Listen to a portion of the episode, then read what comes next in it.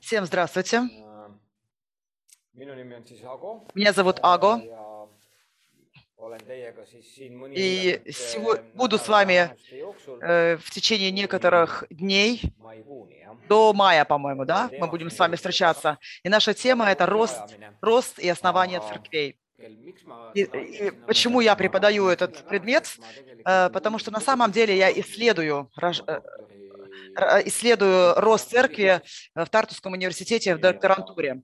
Это моя тема. И так как я исследую эту тему, Марк попросил меня прийти и поделиться на эту тему.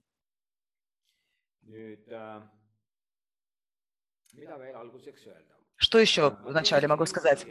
А, давайте сделаем так, что сегодня не буду говорить а, о всех вот этих датах, когда у нас будут встречи. Мы еще переговорим с Марком, какие числа. Вы увидите на Гуни, вы, вы так увидите в расписании.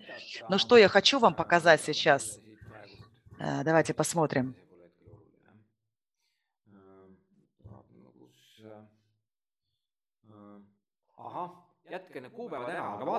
Здесь даты есть, да, но ну, давайте с вами посмотрим письменные работы, которые вам нужно будет сделать.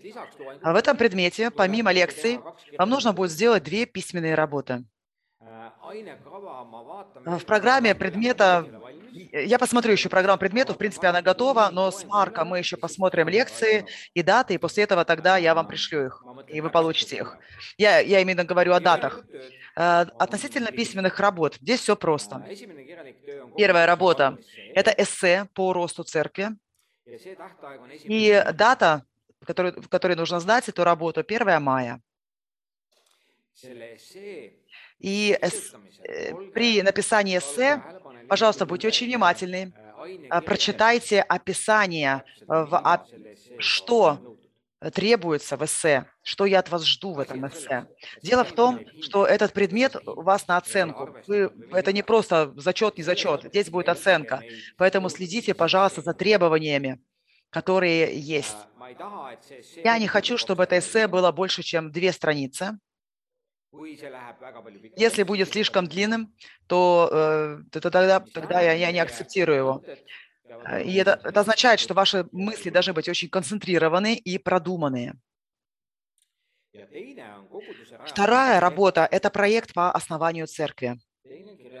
Вторая письменная работа означает, что, в принципе, вы должны запланировать основание церкви, рождение церкви то есть начало церкви. И дата, она дана здесь так далеко, потому что на последних лекциях мы с вами будем говорить как раз об основании церкви, вам нужна будет эта информация при написании. Но про... что касается написания проекта, пожалуйста, также следите за требованиями и следите также за структурой, как вы будете писать, э, как вы должны писать этот проект. И проект может быть длиннее, длиннее немножечко.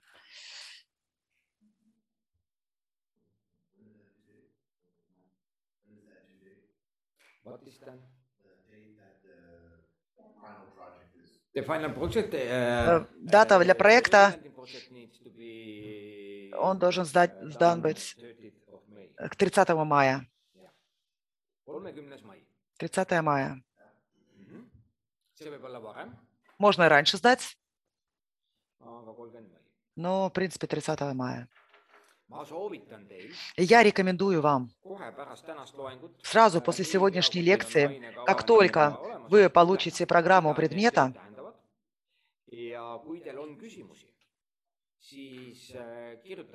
Сразу ознакомьтесь. Если у вас возникнут какие-то проблемы, напишите мне. А легче всего, если вы напишите мне в мессенджере Агулилорг. Если у вас будут вопросы. В мессенджере запишите мое имя и можете там мне писать тогда.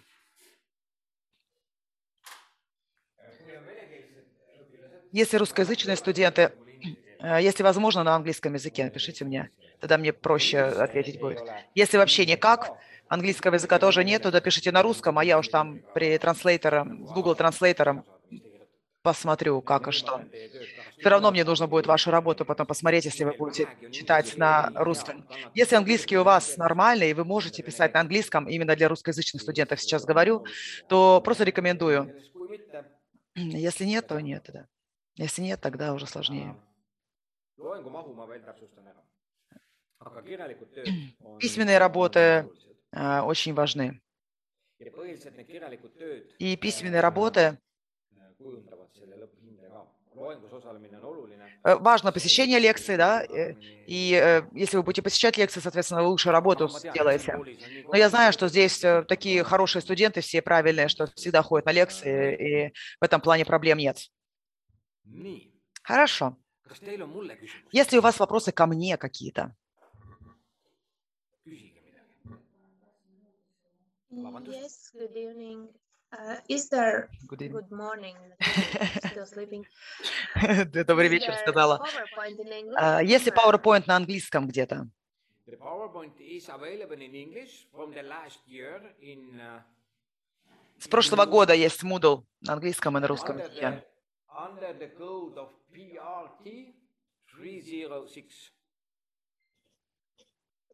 Can, can you send the code on the chat or repeat it? Sorry, Can I send the code? How I can send it? I don't know. I, I don't see it anywhere. I am not uh, personally in Zoom . sinna ekraani peale kirjutada , kui need töötasid , siis ta nii , aga need pliiatsid ei tööta .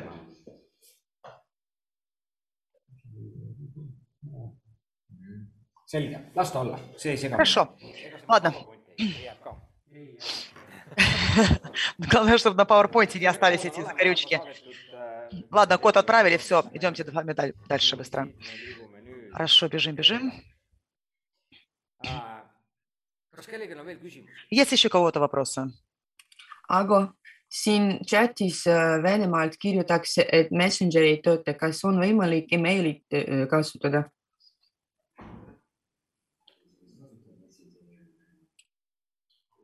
see ju kinni . sanktsioonide tõttu ei tööta Venemaal jah . aa , okei .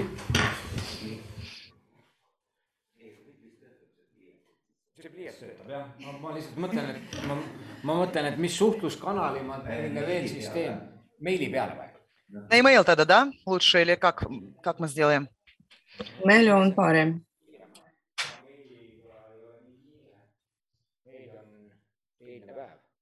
Mail это уже вчерашний день. Там не такая быстрая переписка. Хорошо, давайте дам вам mail. Конечно, нет проблем. Постараюсь максимально часто смотреть тогда.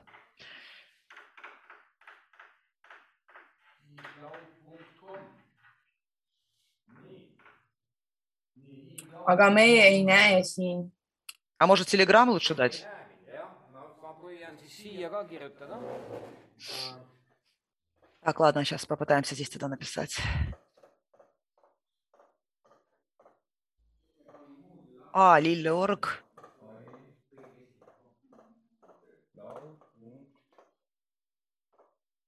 nii .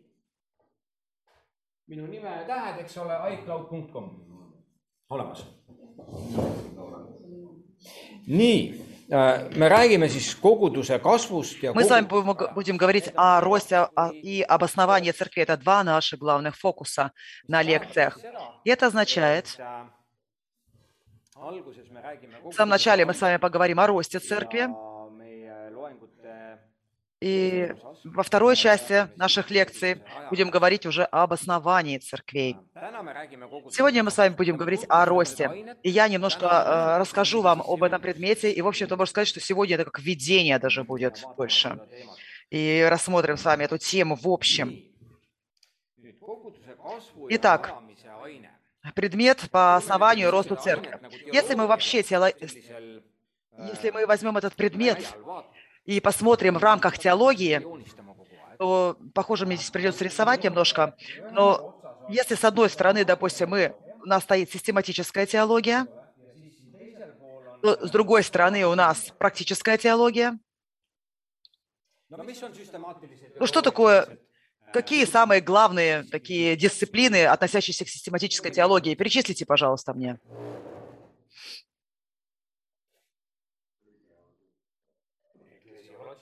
Экклезиология. Так, дальше, что еще сюда относится? что в сердце вот этой систематической теологии относится? К чему? Что там идет? God.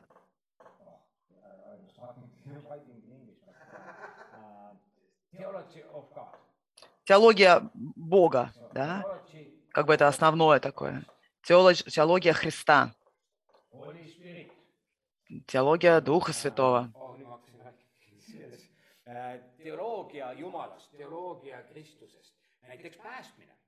Спас- Вопрос спасения.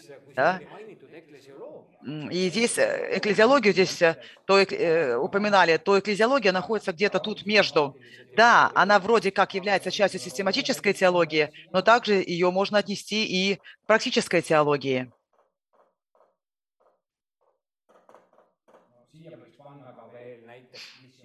Сюда можно отнести миссиологию.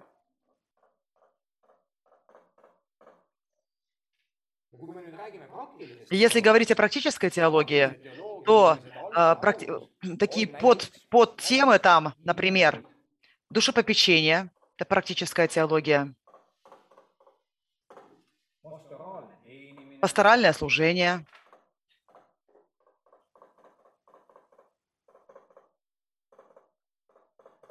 ja siia tuleb ka И Сюда также относится и тема роста общины, роста церкви. Рост церкви. Это теология, да? Она такая широкая, это такое общее понятие. Там есть теоретическая часть, которая больше относится именно вот к этой части, где мы говорим о теоретических моментах, говорим о разных учениях, о разных таких основных точках, отправле... о, э, о вероисповеданиях, о символах веры. Они как раз-таки э, берут начало вот в этих спорах, которые были вот в начале. Сюда такие относятся посерединке некоторые э, а, а, отрасли, которые между систематической теологией и практической теологией находятся, то есть экклезиология, миссиология. То есть это такие класси- классические, классические элементы. aga need ühenduvad juba praktiliselt. Ну, и они уже больше относятся даже, э, э, в свою очередь, как бы и к систематической, и практической. И есть еще целая отдельная область, которую мы рассматриваем в рамках теологии. э, Это практическая теология. Поэтому я просто хотела вам сказа- показать, где в широкой картинке, куда относится, в общем-то, вот это рост общины. Тема роста общин. И если мы с вами посмотрим, on ka koguduse kasv с какими областями связана, связана, связана тема роста общин, то что мы можем здесь увидеть? Мы можем увидеть здесь теологию, правильно, связана с ростом общин. Мы видим, что экклезиология и миссиология, они также связаны с, с ростом общин. И, и мы также видим, что рост общины не связан только с теологией.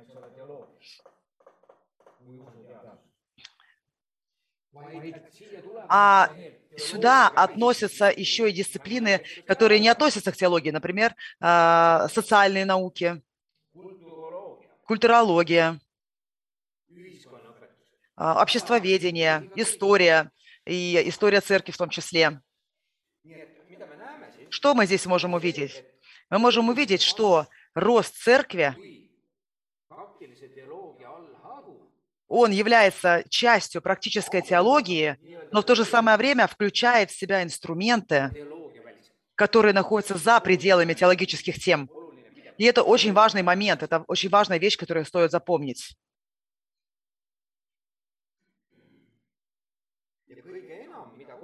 И Что больше всего используется в росте общин? Это, это, э, это эмпирич- эмпирические а, исследования, это квантитативные и качественные, качественные и количественные исследования, то есть социальные науки. Они используются а, в теме рост общин, поэтому это такой хороший очень инструмент а, в, в разборе роста церквей, темы роста церкви. et vahest me koguduses kuuleme ka mõned inimesed, Иногда бывает, мы в церкви слышим, что люди говорят, мы должны только исследовать Библию, мы должны исходить из Библии. Некоторые говорят даже так, что мы читаем только христианские книги и исходим из этого. То есть мы во всех наших действиях опираемся только на христианскую литературу, только на Библию. При росте церкви же а, здесь как бы она не отвергает мирскую литературу, тема роста церкви, а наоборот использует вот эту мудрость, которая находится за пределами христианских источников, и использует эту информацию для того, чтобы э, прийти к самым наилучшим результатам. Есть церкви, которые больше сосредотачиваются только на том, что Библия говорит, и остальное ничего не важно, разницы нет, что там говорят. А есть церкви, которые используют, и они открыты тому, к информации, которая есть за пределами церкви, понимая, что Божья мудрость, она находится везде, и тут, и там. И рост церкви как таковой, он как раз-таки не отвергает и не избегает э, знания и инструменты, находящимися за пределами теологических знаний. Теперь, какие цели нашего предмета? Э, вкратце скажу вам. Я хочу вам дать обзор росту церкви, вот этой, вот этой сферы, да, и как это сформировалось. Каким образом пришли к тому, что э, вот эта область роста церкви стала э, практической теологией, стала частью практической теологии. Э, также мы с вами рассмотрим разные подходы к росту церкви, разные модели, касающиеся роста церкви. Также мы с вами отдельно поговорим о здоровье церкви.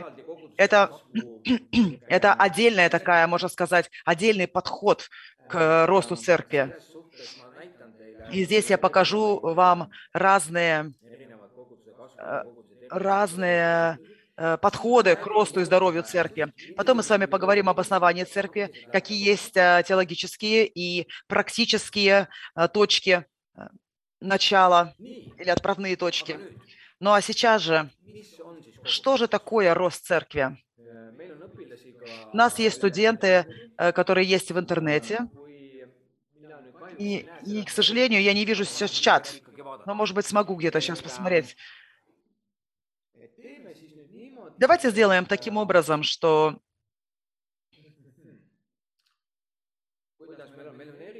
Так, у нас есть люди с разной, разного языка. Так, вы на русском языке, правильно? И на английском языке. А, я хочу, хочу Э, чтобы все подумали немножко и, и, и дали свои предложения, что, по вашему мнению, есть рост церкви и зачем вообще нам нужно говорить об этом. Давайте разобьемся на группы. nii, nii, meie aeg on nüüd läinud. Время закончилось. ma natuke vaatasin, mida kirjutasid mõned tudengid äh, ka sinna chati.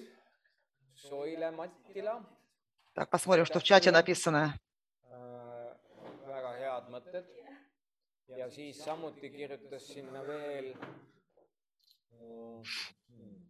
Loida Rapko, jah? Вижу, что написали. aga.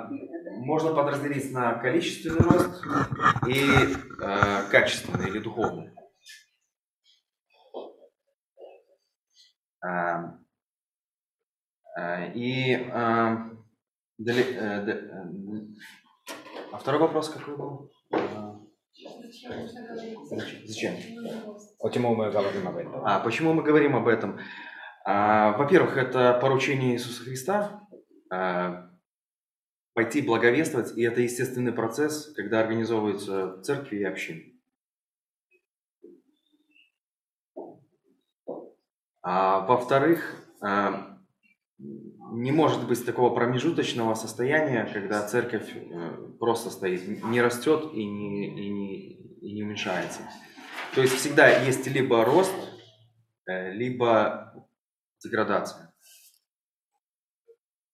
А, вот. И а, почему стоит об этом говорить? Э, чтобы не было, так сказать, деградации, чтобы чтобы церковь не, превратила, не превратилась, что ли, в болото.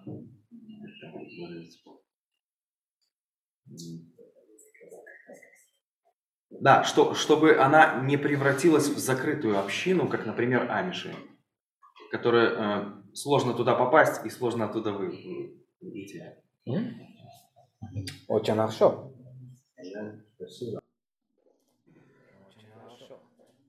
nii äh,, teie siin Nii, теперь здесь вы.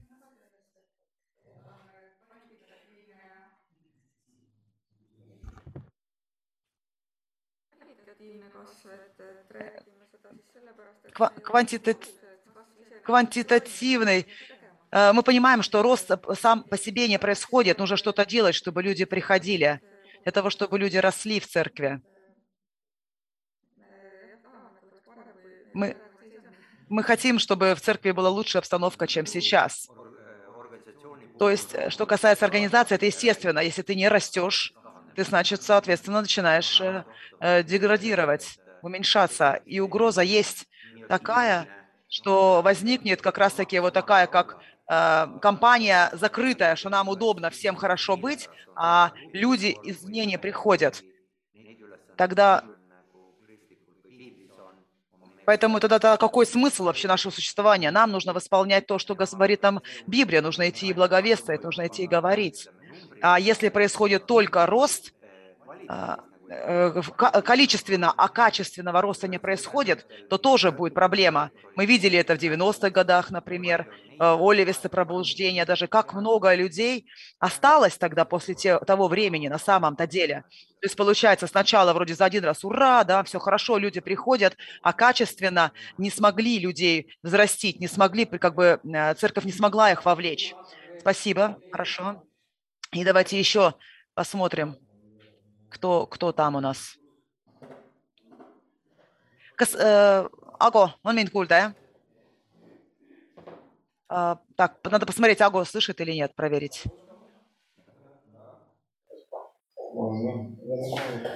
aga siis saab tema selle kõrvaklappi võtta, see töötab.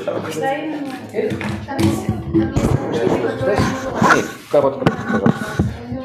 Окей, ну мы скорее ответили на вопрос не что такое рост церкви, а как ему поспособствовать. Вот.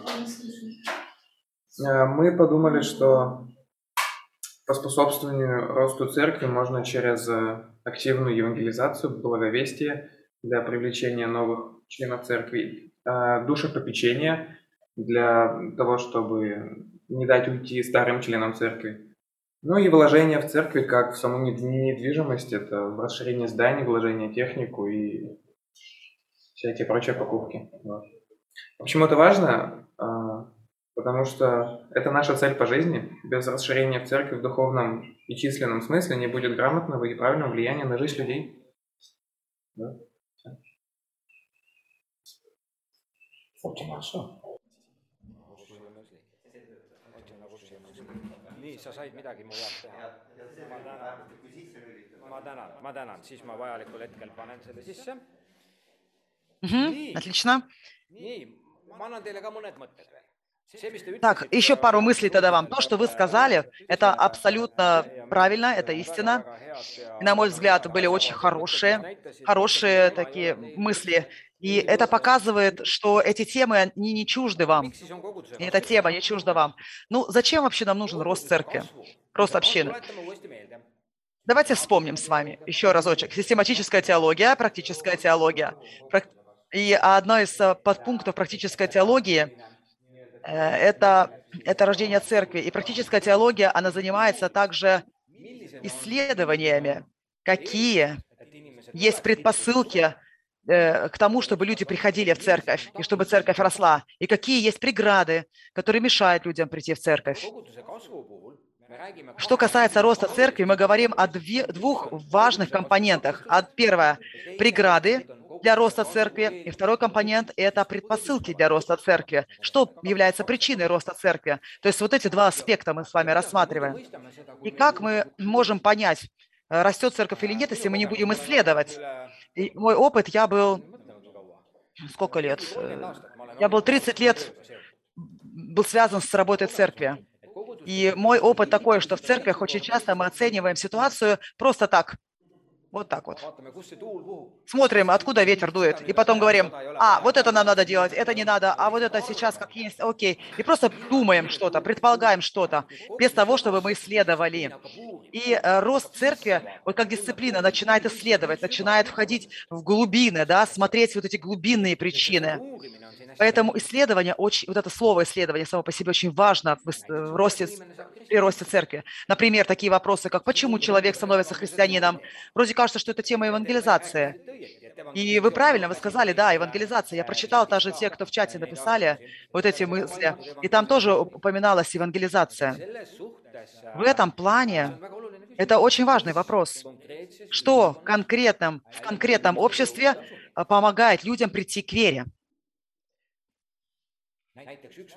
Например, а, а, одна область, а, которая исследуется, демог- демография, это исследование народонаселения. И это вроде не связано, да, никак с теологией исследования народонаселения. Но, тем не менее, его используют для того, чтобы посмотреть, почему э, и что помогает в Эстонии стать людям христианами, что помогает людям стать христианами в Украине, в Америке, в России. То есть э, общи, общества, они разные, культуры разные. То, что работает в одной культуре, не работает в другой культуре.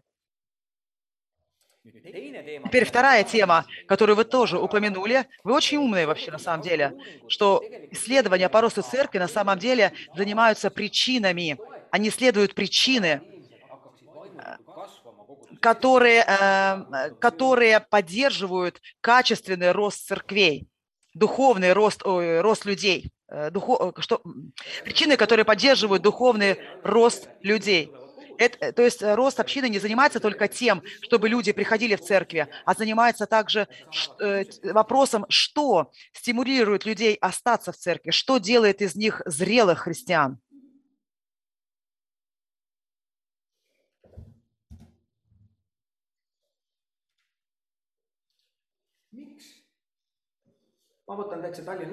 Возьму, допустим, Таллин, да, вот просто чисто пример какой-нибудь, без какого-то конкретного. Почему, допустим, вот здесь вот эта церковь полезная, почему люди идут туда, люди посвящают себя, почему новые люди приходят, у них все работает, все так классно. И в, то же самой, э, в то в то же самом конце города, на соседней улице, есть еще одна церковь, и там никого нет, туда не приходит народ. И мы теперь приходим теперь к такой теме, как здоровье церкви.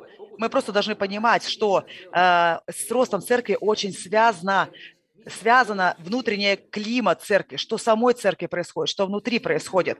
Потому что люди могут приходить, но если там внутри нет здоровья, там нету здорового климата, то эти люди, они просто не останутся там.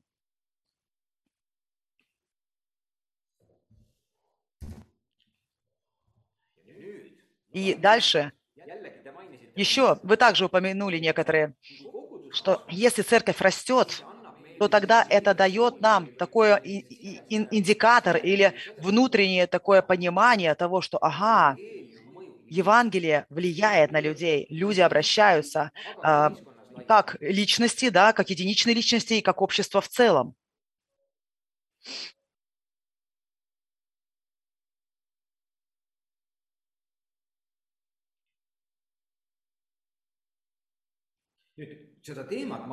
И эту тему мы э, будем рассматривать э, в академическом контексте.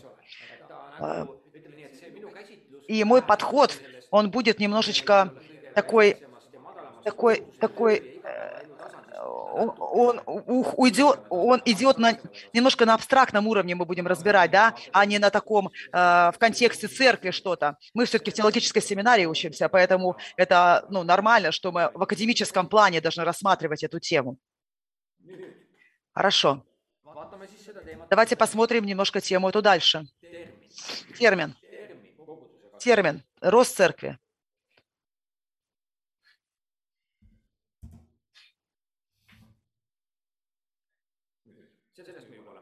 Об этом мы с вами уже говорили. Термин «рост общины», «рост церкви», а, он говорит нам о практической, об области практической теологии. Об этом мы с вами уже упоминали. Также я с вами сказала, что этот термин, сказала, что этот термин, он интердисциплинарный, он меж, междисциплинарный. То есть он, то есть разные дисциплины, э, они как бы переплетены, да, с ростом общины, с понятием роста общины.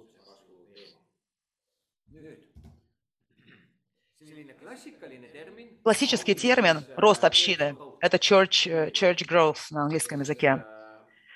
И кому интересна эта тема, вы можете в Google вбить вот это слово church growth, и вы можете увидеть много разных, много, много разной информации. Но опять-таки это такое, можно сказать, э, термин, как крыша. Сюда относится также еще такой термин, как э, здоровье церкви.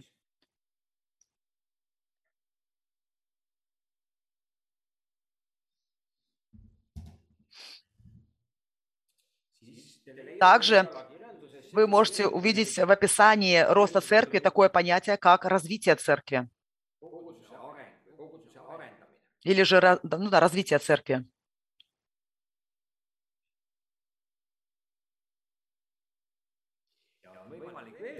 И можно еще увидеть такой термин, как миссиональная церковь.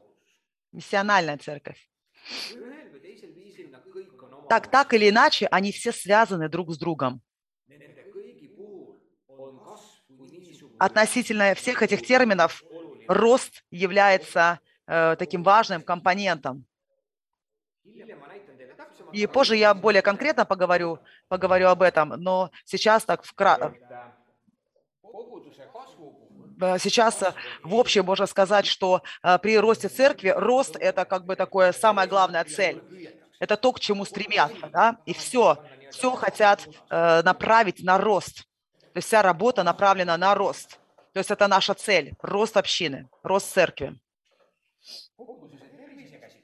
Если взять э, термин э, здоровье церкви, то здоровье – это результат. Видите разницу, да? То есть рост – это цель, здоровье – это результат. Допустим, ты молодая семья. У тебя муж или жена, вот вы только-только поженились, и- И можно смотреть по-разному. Дети – это цель или дети – это результат.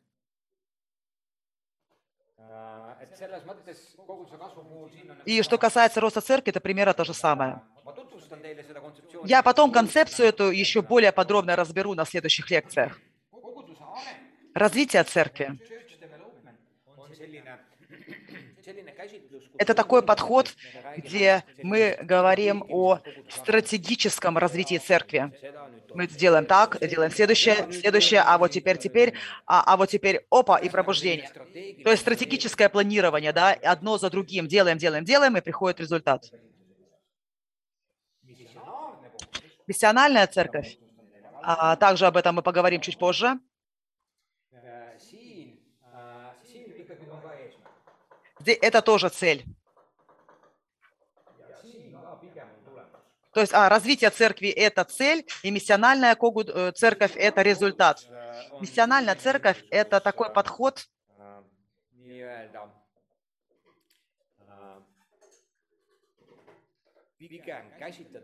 Где к росту церкви относятся как, э, как, как к результату, aga ma hiljem räägin sellest. Как последствию. Об этом мы попозже еще подробнее поговорим.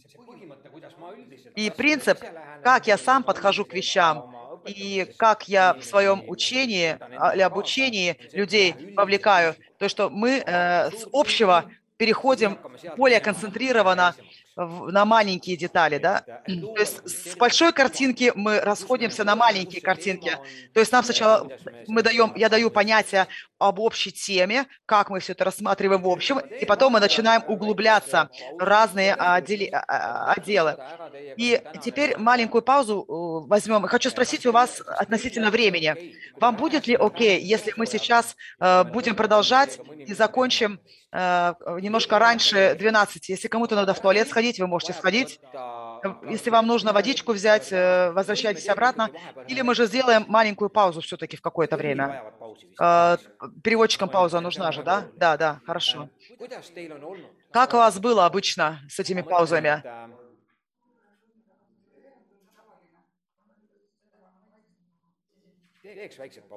Маленькие паузочки тогда, да? Хорошо, давайте тогда выдохнем. Так, хорошо, у нас э, час десять. На самом деле лекция у нас было всего лишь чуть, чуть больше половинки. Хорошо, давайте тогда до половины продолжим, и потом пойдем на паузу. Тогда 20 минут еще, и переводчики тогда знать, будут знать, чем считаться. Если вам нужно позвонить или что-то там сделать, вы можете тогда просто выйти и, и, и это запланировать на это время. Хорошо. Итак.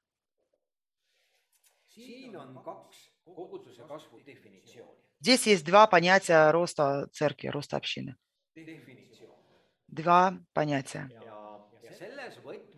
И в этом ключе э, ростом общины, э, э, которые занимают, лю- люди, которые занимаются ростом общинам, они говорят, что рост, рост общины – это э, такое научное направление. Это не просто такое случайное какое-то действие.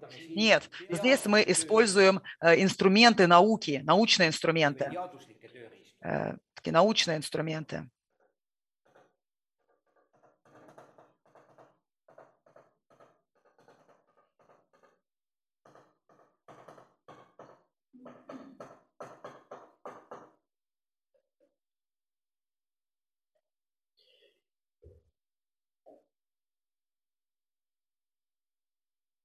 Väga palju koguduse kasvu valdkonnas, kui te lööte selle sõna Если вы вообще забьете в интернет э, Church Growth, рост церкви, вы увидите много информации, найдете разные идеи, разные мысли.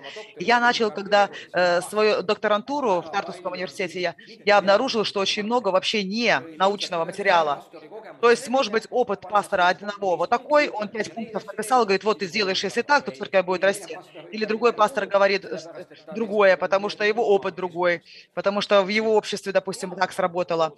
Научное же подход – это такой, такой подход, э, и, и где мы используем конкретные какие-то инструменты. И в этом плане мы, когда изучаем церковь, мы не делаем это просто как-то хаотично, а, а мы, мы, мы э, делаем это с научной точки зрения, и результаты также дают такие больше, как ну, научные, скажем, да. И Питер Вагнер, он уже э, умер сегодня, к сегодняшнему дню, да, он, ну, очень популярный был миссиолог э, 20 века. И, скорее всего, что если вас тема это интересует, в конце концов, все равно вы к нему придете.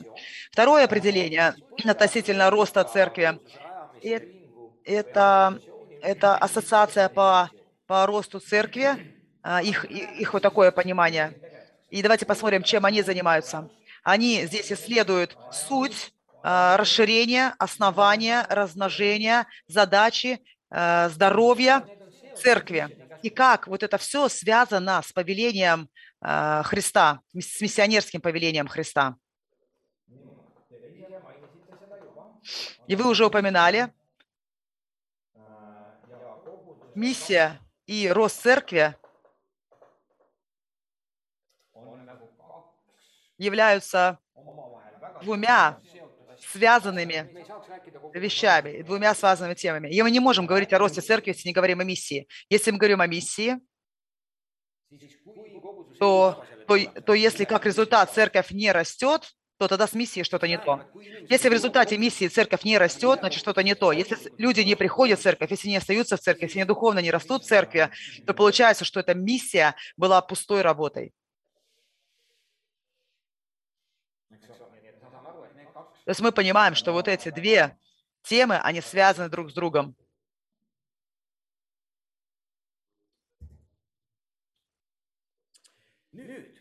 Хорошо.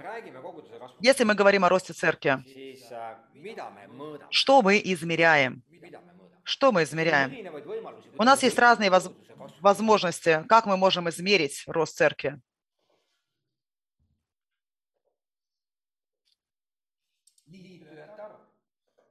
Мы можем измерить рост церкви через а, количественный рост, через, люд- через а, а, рост членства. Сегодня в Эстонии также молодые церкви, они уже не принимают людей-членов. В, мире trend. на мой взгляд, это больше и больше э, такой тренд. Люди не присоединяются к церкви. Люди участвуют в жизни церкви, но не присоединяются к церкви. Как человек может присоединиться? Как?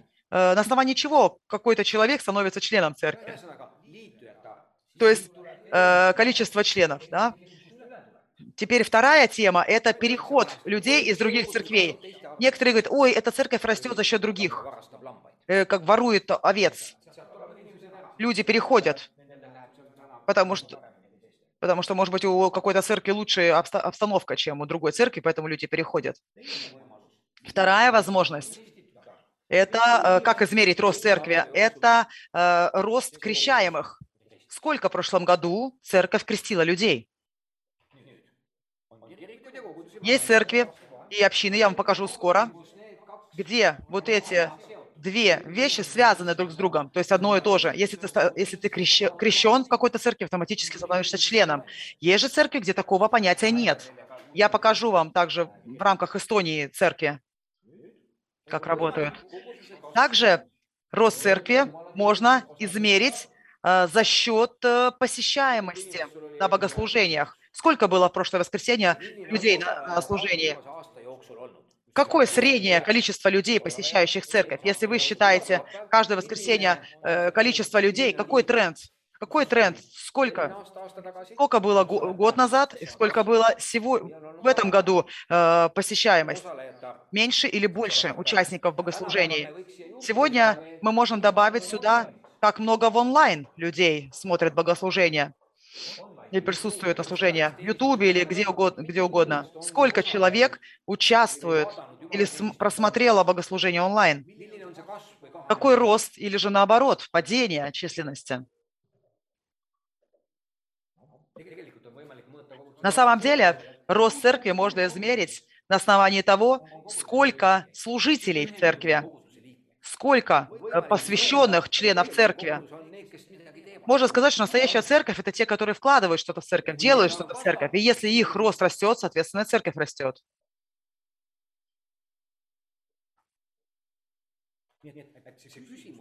Поэтому вопрос, что мы измеряем, нужно здесь договориться в этом, если мы говорим о росте церкви. Можно все измерять. Можно сосредоточиться же на некоторых только аспектах. В наших церквях нет возможности собирать так много данных и потом еще анализировать. Если у нас нет аналитиков, которые в церкви, у которых хобби, допустим, собирать э, цифры и потом э, анализировать и, и, и, и презентировать руководству. Таких людей у нас мало, аналитиков. И помимо того, что мы измеряем тех, которые приходят в церковь, мы должны считаться, что есть люди, которые также и уходят из церкви по каким-то причинам. Не приходят на богослужение больше, может быть, э, заявление напишут, что уходят, переезжают в другие города, другие страны, переходят в другие церкви. Если мы хотим быть точными, мы не можем измерять только, что приходит, а, а также измерять должны, что уходит, и посмотреть среднее. Понимаете, да? Теперь вы уже видите, что рост церкви означает измерение количества э, собирания данных, данных, сбор данных, то есть любых данных. И мы можем пойти дальше и предположить, допустим, церковь находится, допустим, где-то в Пайде, допустим, в центре Эстонии, маленький город. Сколько же вообще живет людей в Пайде? Допустим, можно посмотреть данные, сравнивая Э, с количеством людей в, обще, в обществе, да, в городе, рассматривать, кто люди, какие люди живут, языка, э, группы возрастные, мальчики, девочки, женщины, мужчины, посмотреть, чем они увлекаются, э, и посмотреть немножко более глубоко в общество, в общество, в котором находится церковь и которого она хочет достигнуть Евангелия. Я теперь не говорю, что все люди должны заниматься теперь аналитикой, да. Мы мы находимся э, в рамках нашего предмета. Я вам презентую этот предмет, но, может быть, какой-то человек из, сегодня из здесь находящийся захочет заниматься этой темой, и это нормально, это, хорошо. Но в этом плане мы должны считаться, что, что то, что мы измеряем, это должно быть очень четким и понятным нам. Иначе мы получим очень непонятные результаты. Хорошо, давайте теперь посмотрим самые большие деноминации в Эстонии, христианские деноминации в Эстонии. Итак, как можно стать членом? Это я взял на их страничках. Я не выдумал сам. Так, лютеранская церковь, баптистская церковь, методистская, пятидесятническая. Здесь у нас адвентистская церковь, римско-католическая и православная церковь. Как можно стать членом? Здесь примерно написано.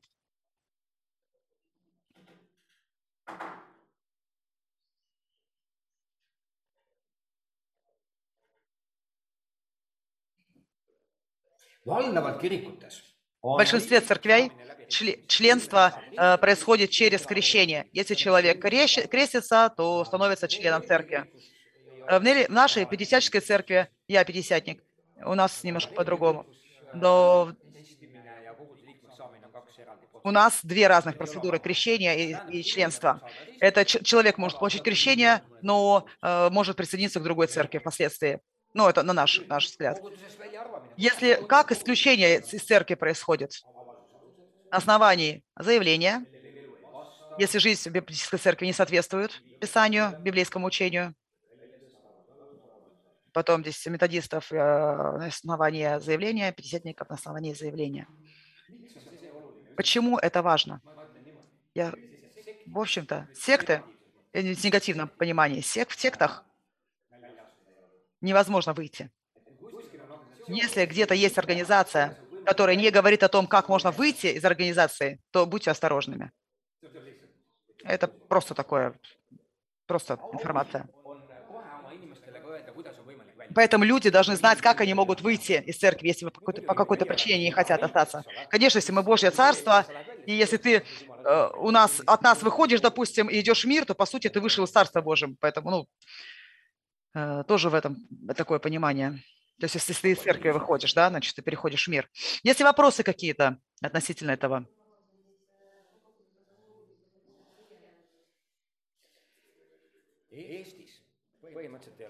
В Эстонии кто-то исследует э, рост церкви?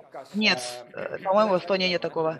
Я потом покажу вам. Но, в общем-то, э, идея роста церкви как таковая, явля- э, м, она относится к практической теологии, и сам человек, э, вот это Дональд какой-то, да, начал вообще вот этот сам принцип роста община. И его книга вышла в 1955 году, то есть э, в, среднем, в середине 20 века. И эта э, книжка стала очень поп- sündimine она, а, она, э, она была очень хорошая, но она не заставила все церкви России все остальное делать, но она стала очень популярная. После этого выросло новое движение э, здоровья церкви, следующее выросло движение миссиональная церковь. Поэтому рост церкви как таковой был, был темой второй половины 20 века. И в 21 веке об этом уже не говорится так много. Говорится больше о миссиональной церкви. Больше не говорится о росте как таковом.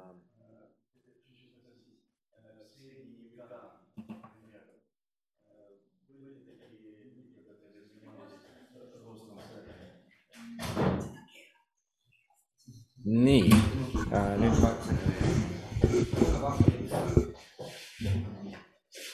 Были ли такие люди, которые занимались ростом церкви, например, в средние века или в эпоху kas on mind Возрождения? kuulda?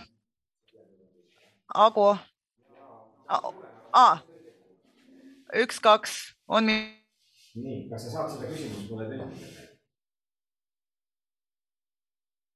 et kas sa saad mulle seda küsimust tõlkida Marina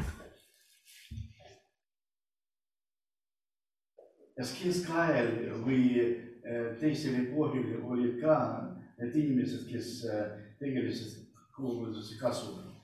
aitäh äh, siis ma näitan teile varsti Я покажу вам, я покажу вам историю церкви.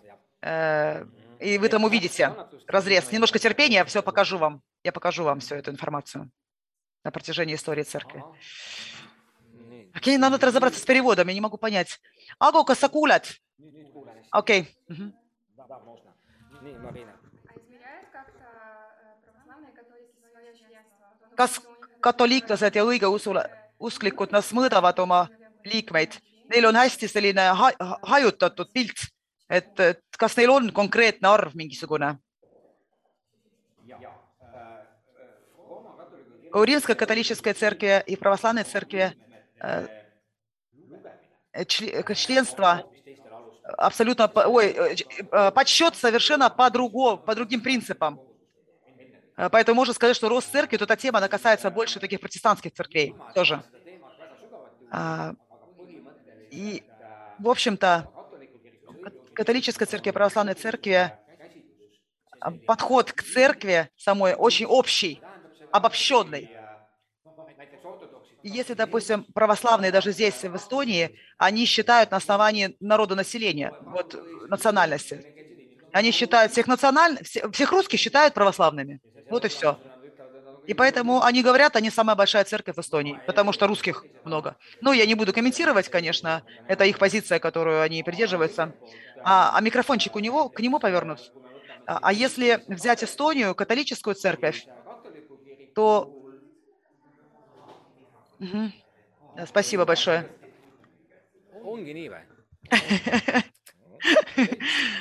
Okay. А католическая церковь в Эстонии, опять-таки, эти номера более конкретные, более четкие, но опять-таки обобщенные. И как комментарий могу даже сказать, что,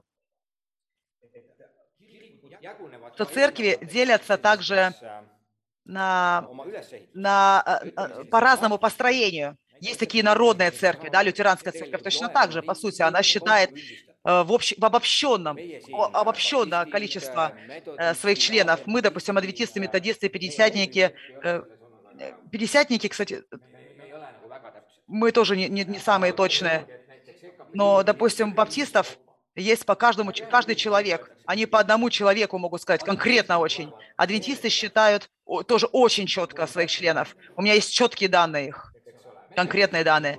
Методистская церковь тоже считает достаточно точно а другие большие церкви считают в общем-то, в общем-то. И так, подход такой, что если, допустим, член церкви является членом церкви, то считается всех всех э, членов церкви считаются как бы тоже берутся, да, вот в, расчет, что мы типа служим всем. Поэтому бывает э, од, од, одного члена умножают на трех, на четырех, поэтому эти данные такие, ну, странные, непонятные, не знаешь, что, откуда взятые.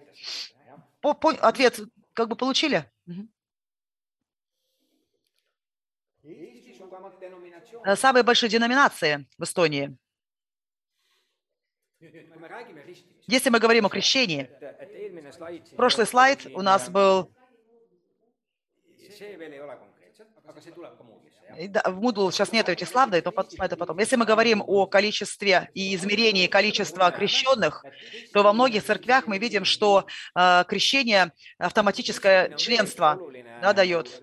И чти, э, крещение очень важный аспект, потому что крещение показывает нам посвященность человека, что человек, идет, идя на крещение, у него уже есть серьезные намерения.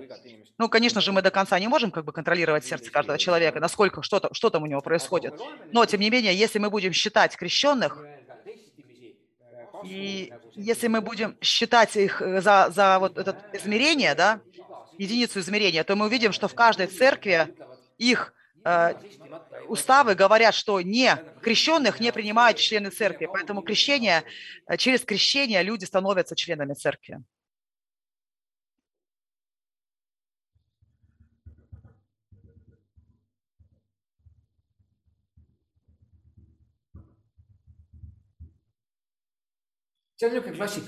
Это чисто такой классический подход.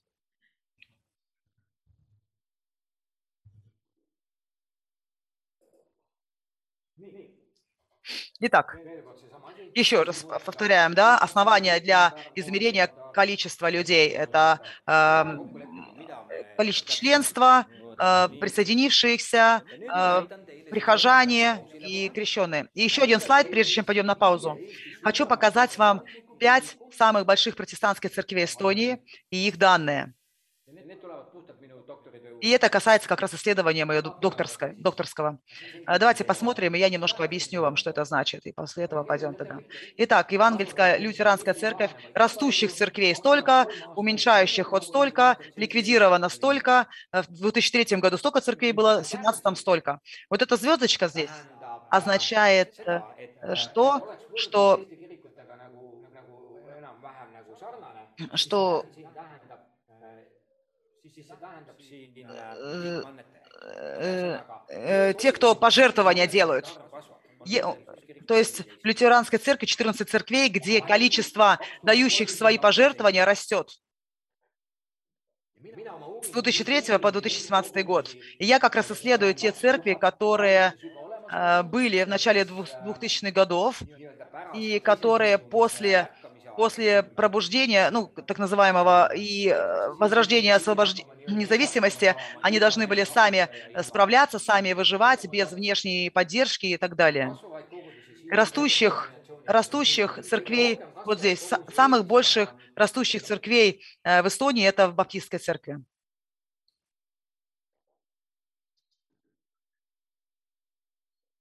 ja kahanevad siis ka vastavalt. И уменьшающихся также в Баптистской церкви, ну, в Баптистской церкви, если взять.